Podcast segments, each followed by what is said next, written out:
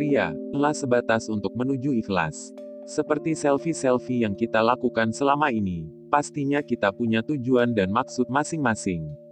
Ada yang untuk membagikan kebahagiaan, dan ini baik juga. Karena menceritakan nikmat dari Allah itu memang ada perintah untuk diceritakan, tapi apakah selfie kita memang murni karena menceritakan nikmat dari Allah?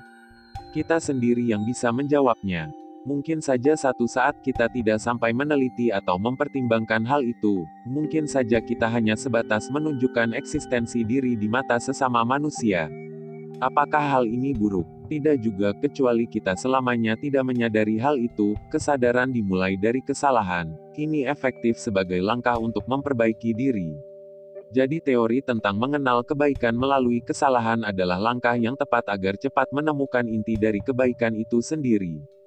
Apakah teori ini akan aman?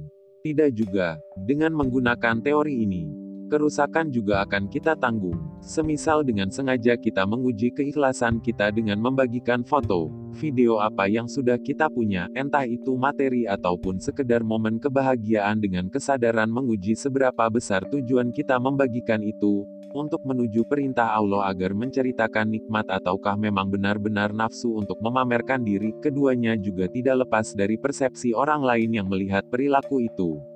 Resiko buruk adalah kita dianggap sok pamer, dan ada lagi mungkin saja menimbulkan kejahatan, di media, link.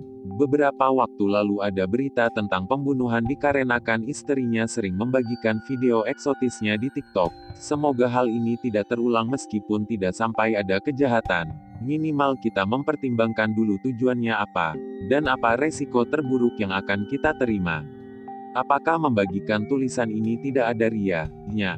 Karena saya yang menulis, jadi saya yang lebih tahu. Ya tulisan ini memang ada ria-nya, dan salah satu resiko yang harus saya terima adalah saya dianggap keminter lebih parah lagi saya dianggap kakean kokot.